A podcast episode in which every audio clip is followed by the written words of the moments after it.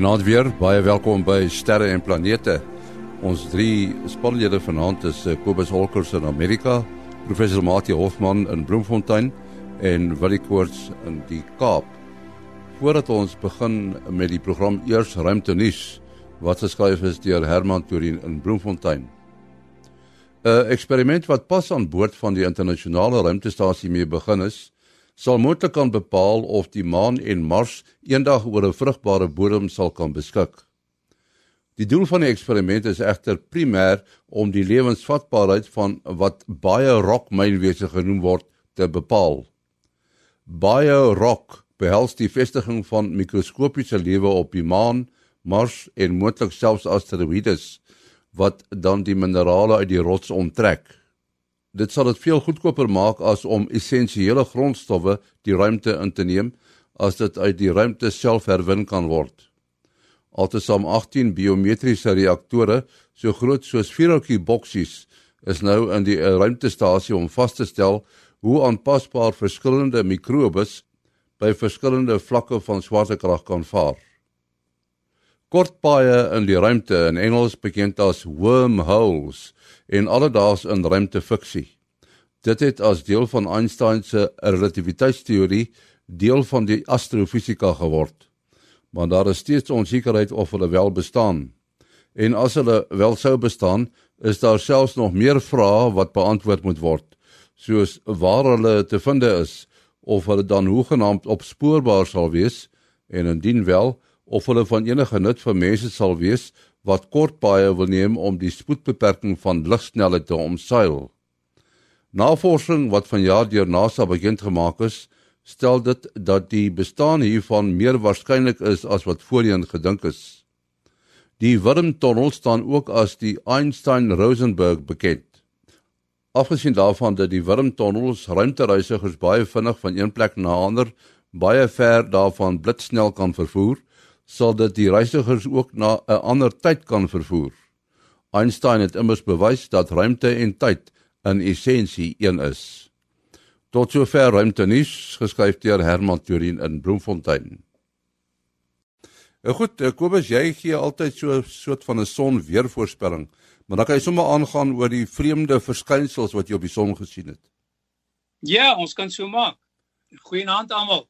En uh, goeienaand en nie ook en al my makkers hier op die op die op die draadloos. Ehm um, ja, as ons nou hierdie week kyk is dit is dit heel wat 'n ander storie as wat dit verlede week was. Ehm um, kom ons kyk nou eers na volgende week se son uh, voorspelling. Die eerste ding wat ek wat ek raak sien op die magnetogram van die son is weer twee klein sonvlekkies wat ons eintlik net in 'n magnetogram kan sien. Hulle is te klein om om uh, op 'n wit lig diagram te sien. En beide van die twee sonvlekkies is nou nog uh, gee eienskappe van die vorige siklus. Ehm uh, soos ons uh, so 'n paar weke gelede gesê het, uh dop die goed se magnetiese rigting om wanneer die nuwe siklus opdaag. Maar hierdie tweeetjies het nog steeds 'n noordpool wat voorloop en 'n suidpool wat agterom aanloop in die rigting wys van die son se rotasie. So dit sê vir my ons is nog steeds in daai uh low tussen tussen die die uh, vorige siklus en die nuwe siklus wat aan die begin is en ek wonder of dit nie dalk een van die redes is vir die vreemde dinge wat ek gesien het in die afgelope week of twee nie. Ek sal net net daaroor gesels. Dan het ons uh, verlede week uh, die hoogste sonwindspoed gesien wat ons in maande gesien het. Uh, en dit was juist as gevolg van daardie ding wat so uh, wat so vreemd was. Daar was 'n baie interessante koronagat en hy het vir ons uh, sonwindsnelhede gegee van oor die 700 km per sekonde. Wat die koronagate aanbetref, is daar so 'n paar kleintjies wat gaan geo-effektief raak. Uh, uh wel die eerste een is reeds geo-effektief, hy het gisteroggend geo-effektief geraak en uh ons het nog twee ander wat so effens agter hom is. So ons gaan vir ten minste tot en met donderdag uh gaan ons uh ons langafstand radio gebruikers gaan gaan dit gaan dit voel. Uh ons het een koronagatjie in die noordelike halfrond wat ehm uh, suidgerig is wat natuurlik die aarde se magnetveld 'n bietjie om uh, kanselleer wat bietjie swakker maak en dan die ander koronagat is nou weer noordgerig so ons gaan baie interessante kompleksiteit te sien daar vir tot donderdag toe so. Nou ja, dan die laaste ding wat ons nou wat wat ons gewoonlik na kyk is filamente op die son. En kan jy dit glo? Op hierdie oomblik is daar nie 'n enkele een sigbaar op die hele oppervlak van die son en dit lyk ook nie asof daar een op pad is nie. Jy het uh, net nou gesê dat uh, jy het iets vreemds gesien op die son. Ek wou vir jou al vra of jy al goed gesien het wat jy nog nooit van tevore gesien het nie. Ja, ek moet sê in my uh is nou amper seker oor die 30 jaar wat ek na die son kyk, het ek 'n uh, baie vreemde ding waargeneem verlede week. Ek het dit genoem in die ruimte weer van verlede week. En dit is daar was 'n uh, 'n oscillasie in op die in die magnetiese polariteite van die son. Ons kry gewoonlik as daar 'n baie groot uitbarsting of ontploffing op die son is soos wat ons in die son maksimum kry, dan sien ons baie keer ehm uh, dat golwe so konsentries wegvloei daarvan en ons sien dit nou in die dan in die in die Doppler weergawe van die van die fotos wat ons van die son kry. Doppler natuurlik dieselfde ding wat hulle gebruik in om jou magnetiese ag altyd om jou jou spoed te meet. Maar dit wat interessant was van hierdie een is ek kon op die fisiese beweging van die son. Dit is nou wat ons raak sien met met die Doppler beeld. Ehm uh, kon ek nie veel uh van die oscillasie sien nie, maar op die magnetogram het ek die interessantste beeld gesien met hulle soos ek sê ek het dit nog nooit raak gesien vroeër nie. En ek kyk omtrent elke dag van my lewe vir die afgelope amper 40 jaar. Het ons ma amper magnetiese golwe gesien. Ehm um, dit was vertikale golwe en dit was afwisselend. Ehm um, noord-suid, noord-suid, noord-suid oor baie groot oppervlaktes. Ons praat van van van hierdie magnetiese uh vervormings wat wat ons gesien het van van groter as uh, 10000 km in lengte. En hulle het oor die hele voorkant van die son het het hulle gesit. Wat wat baie interessant is van hierdie ding is die feit soos ek sê wat dat ons dit nie in op die fisiese beweging van die son se oppervlakte kon sien. So dit was definitief iets wat in die in die plasmasfeer van die son gebeur het. 'n Magnetiese eienskap wat gelukkig nie verder geosilleer het nie. Gelukkig is die son baie groot en nou is 'n groot traagheid en al die dinge. Dit kan nogal heelwat moeilik moeilikheid veroorsaak as hy skielik begin osilleer. Soos soos 'n kringfluit wat ons nou sê nou maar by 'n erns in 'n fliek of in 'n in 'n in 'n gehoor hoor. Maar dit was interessant genoeg en dit het vir meer as 'n week aangehou, amper 'n week en 'n half. Ehm uh, ek is nog besig om die ding te ondersoek. Ek is besig om geskied, geskiedkundige beelde, uh ekstraalbeelde en dopplergramme en die soort van dinge te kry van die son en ek sal miskien so volgende maand of oor 2 maande sal ek al daar kan rapporteer wat ek dink wat presies gebeur het daar. Uh het Google nie vir jou gesê wat dit is nie. Kom ek stel dit so. Ek het gaan kyk by al die al die groot ouens wat wat ook met die son werk. En dit is nêrens uh, te vind op hulle goed nie. Maar as ek na hulle rekords kyk is dit op hulle beelde ook.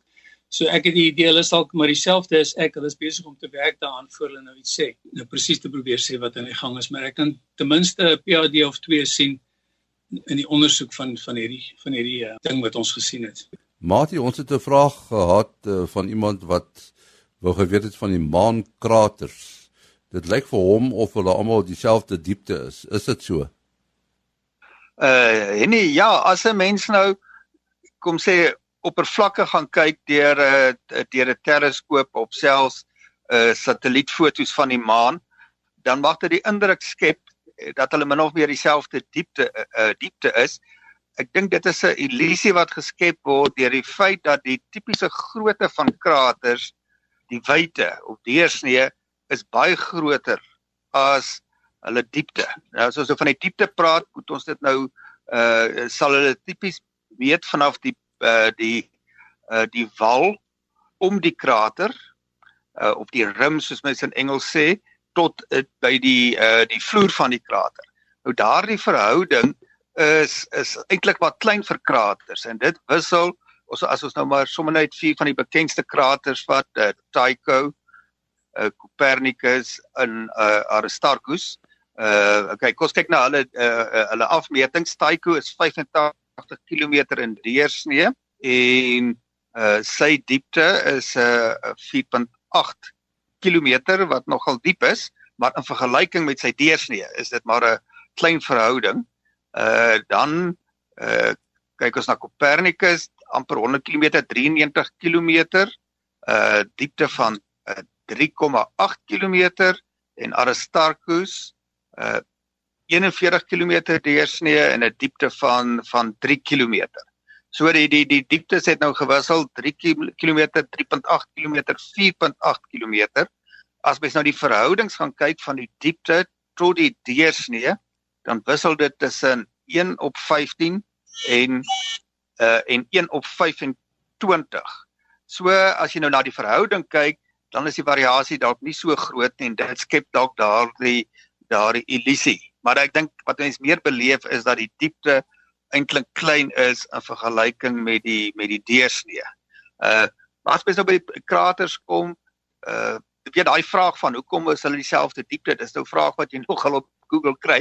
So daar's uh, meer mense wat al daaroor gewonder het, maar soos uh, ons net met hierdie paar bekende kraters en so sal jy 'n hele verskeidenheid van van dieptes kry, maar ek sou sê die die die diepte varieer baie minder as die grootte.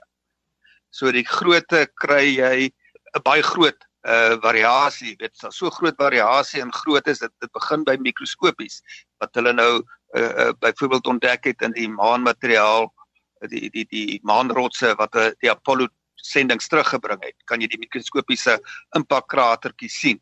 Tot nou wat dan nou meer as 100 km in deursnee is. So 'n geweldige spektrum van deursnee en uh Uh ek sien nou dit is eintlik 'n baie interessante onderwerp as jy by die kraters kom, beide in die geskiedenis wat hulle nou gewonder het wat dit veroorsaak uh van die meteorietteorie tot die uh idee dat dit van vulkane afkom, maar uh oorweldigend uh is uh, word vandag aanvaar uh, dat feitelik al die kraters is deur meteorietimpakte veroorsaak klein uh klein en groot.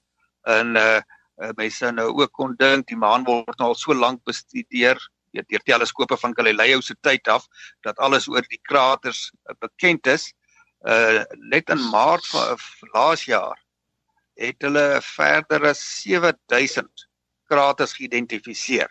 Nou dit is waarskynlik bietjie meer subtiel, uh, bietjie weggesteek tussen ander kraters of dalk op donkerder gebiede of baie klein. Ehm um, so hulle leer steeds meer oor die oor die kraters. Uh dis nou interessant dat ehm um, redelik onlangs 1960 by die bekende Gene Shoemaker uh, wat nou ook by die Shoemaker-Levy komeet geassosieer is, het uh weer die die die hele impak ja die die die impak model vir die of verklaring vir die baankraters weer uh het baie momentum gegee. Uh maar wel vanuit die Apollo sendings daar was uh het die jury eintlik uh, uit geologiese oogpunt baie baie sterk bevestiging gekry.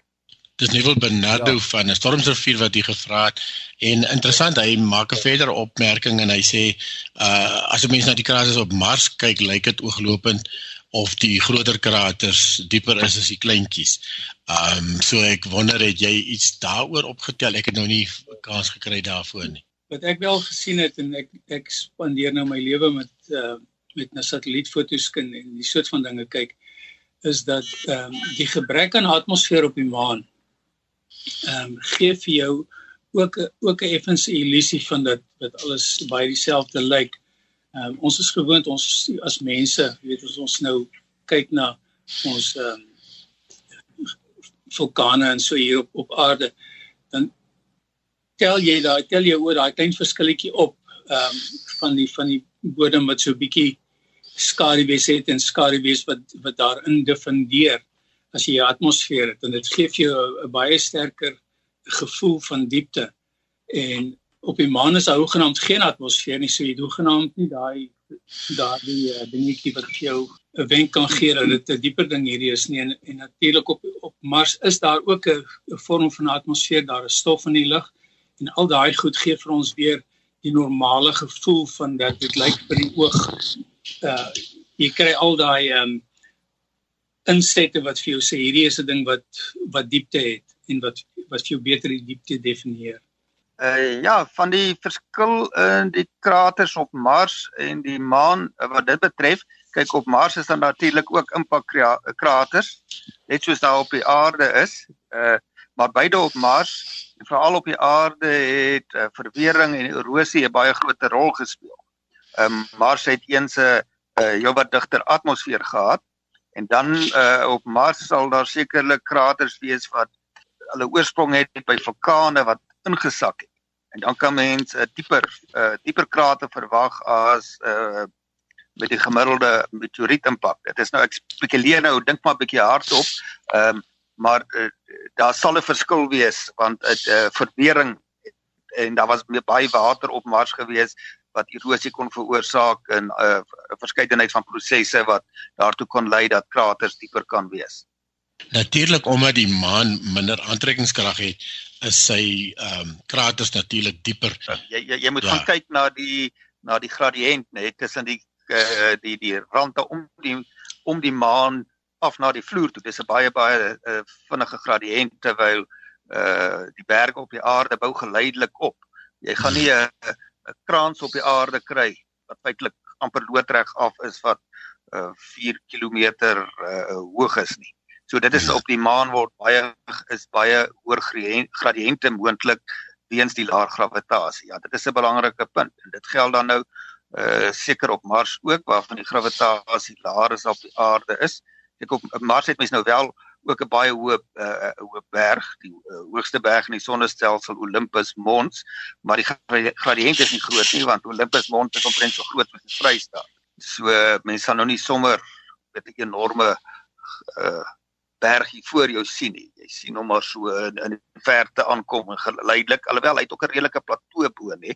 So hy daarom uh, op die rande is hy ek is nou nie uh, kan nou nie onthou wat is die gradiënt nie, maar in elk geval nog steeds baie kleiners wat jy op die op die maan kry. Goed, kom ons praat oor uh, heeltemal 'n ander saak. Willie, uh, jy en Lafra Smit het 'n bietjie rondgespeel met uh, julle kameras en uh, hierdie sogenaamde sterstrepe afgeneem. Ek moet sê as jy mes op uh, die bakkiesblad Facebook kyk, dan lyk dit nogal indrukwekkend. dankie, dankie. Ja, ons het 'n heerlike uh hulle vras het 'n bietjie kom kuier hierso. Uh Chantel Fourie wat ook uh, op ons Facebook uh, baie foto's neem was toevallig ook hierso en dan was daar van 'n ander Facebook groep uh Jackie wat uh by die astrofisiese uh, astrofotografie groep wat vras gestig het destyds. So ons het ons het omtrent hierso in die aand en die weer het was ons baie genadig geweest en uh die toue front ingekom hier later in die week maar uh terwyl hulle vras was het ons wonderlike weer gehad en ons het elke aand tot weet watter tyd hier buite foto's geneem. Die temperatuur het nou hier by die 2 3 grade loop draai uh wind toe effentjies gestoot so dit uh, maar, maar ons het net dik aangetrek. Ja, so die die een foto wat ons geneem het soos jy sê die sterstrepe is um is eintlik 'n redelike maklike foto om te neem. Jy sit jou kamera neer nou in die ou tyd toe jy nou nog film gebruik het, het jy hom op B gesit vir bulb en dit wil sê jy maak net die lens o, jy sit jou kamera neer, stewige driepoot, uh maak jou lens oop en jy kom na 'n uur of so terug.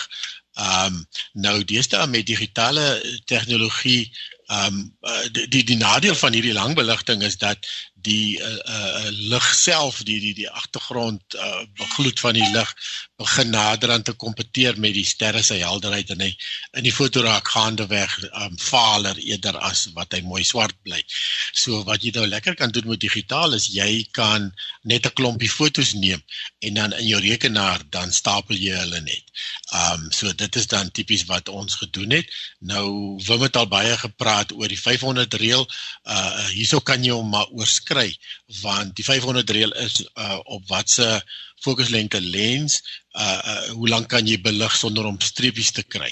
Nou hier wil ons jy streepies hê so dit maak nie eintlik saak of jy langer gaan nie.